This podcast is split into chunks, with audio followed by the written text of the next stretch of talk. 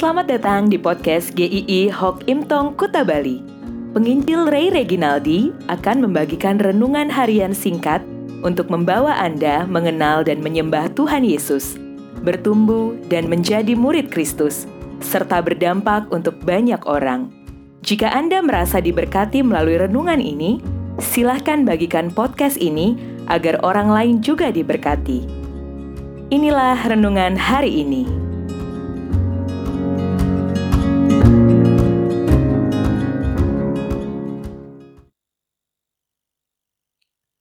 Tolonglah mereka. Kisah para Rasul 6 ayat 9. Menyeberanglah kemari dan tolonglah kami. Ada sebuah rekaman CCTV di sebuah negara. Di situ ada anak yang tertabrak dan terlindas oleh sebuah mobil box dan ditinggalkan begitu saja. Dari rekaman CCTV itu tampak ada orang lalu lalang di sana hanya melihat si anak yang tergeletak itu begitu saja. Sampai 18 orang yang lewat, tidak ada satu orang pun yang menolongnya. Sebuah pertanyaan besar, kenapa orang yang bisa membantu tetapi tidak mau membantu? Apakah hatinya itu sudah begitu membeku?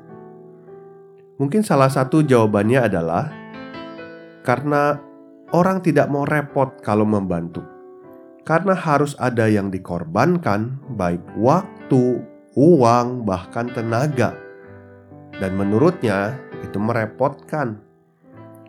Hal serupa juga bisa terjadi pada kehidupan orang percaya. Orang percaya bisa saja enggan untuk bersaksi, untuk memberitakan tentang keselamatan, karena ketika bersaksi artinya harus keluar dari zona nyamannya memberikan pikiran, tenaga, waktu, bahkan kadang bisa merugi. Ditinggalkan teman, ditinggalkan sahabat. Mungkin yang paling yang lebih parah adalah kehilangan pekerjaan, dihianati dan lain-lain. Tetapi apakah itu menjadi alasan untuk berhenti untuk bersaksi tentang Kristus? Paulus dan kawan-kawan memiliki sudut pandang yang berbeda. Bagaimana mereka memandang jiwa-jiwa yang terhilang?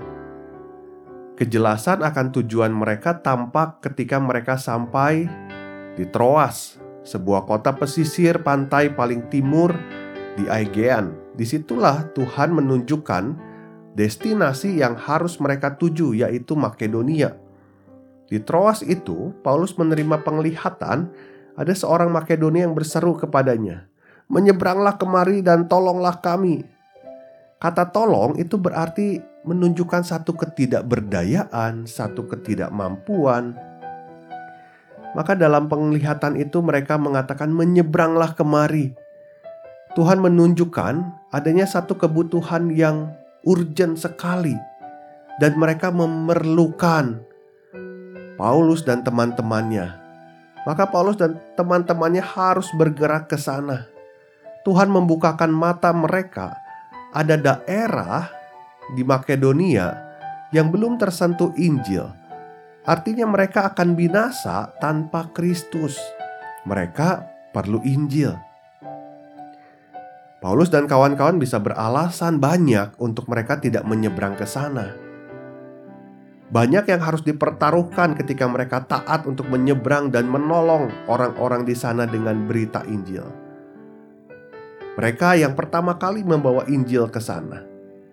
Tetapi apa yang mereka lakukan adalah mereka bukan berdalih, bukan menghindar, tapi mereka taat pada kehendak Tuhan. Mereka bergerak sebagaimana Tuhan mau mereka bergerak mereka melihat kebutuhan itu sebagaimana Tuhan melihatnya.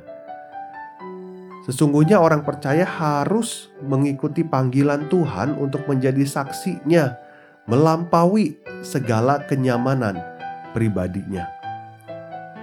Setiap kita orang percaya bisa mengenal Kristus karena Tuhan Yesus itu sendiri yang taat di dalam pengutusan Bapa. Dia tidak melenceng dari jalan Bapa dia meninggalkan zona nyamannya supaya kita diselamatkan. Mari jangan simpan kabar baik itu sendiri. Kita pun dapat mendengar mengenal Kristus karena ada orang-orang yang sudah bergerak terlebih dahulu dari zaman ke zaman. Coba lihat dan perhatikan.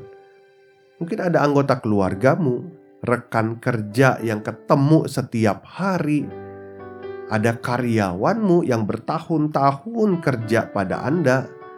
Lihat sekelilingmu, mereka mungkin belum percaya berdoalah minta hikmat dari Tuhan untuk memberitakan Injil kepada mereka.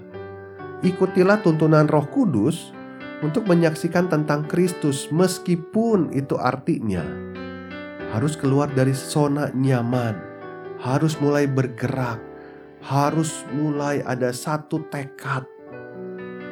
Keselamatan diberikan kepada kita supaya kita juga menceritakan kepada mereka yang belum diselamatkan, mereka yang sedang membutuhkan pertolongan. Tuhan memberkati.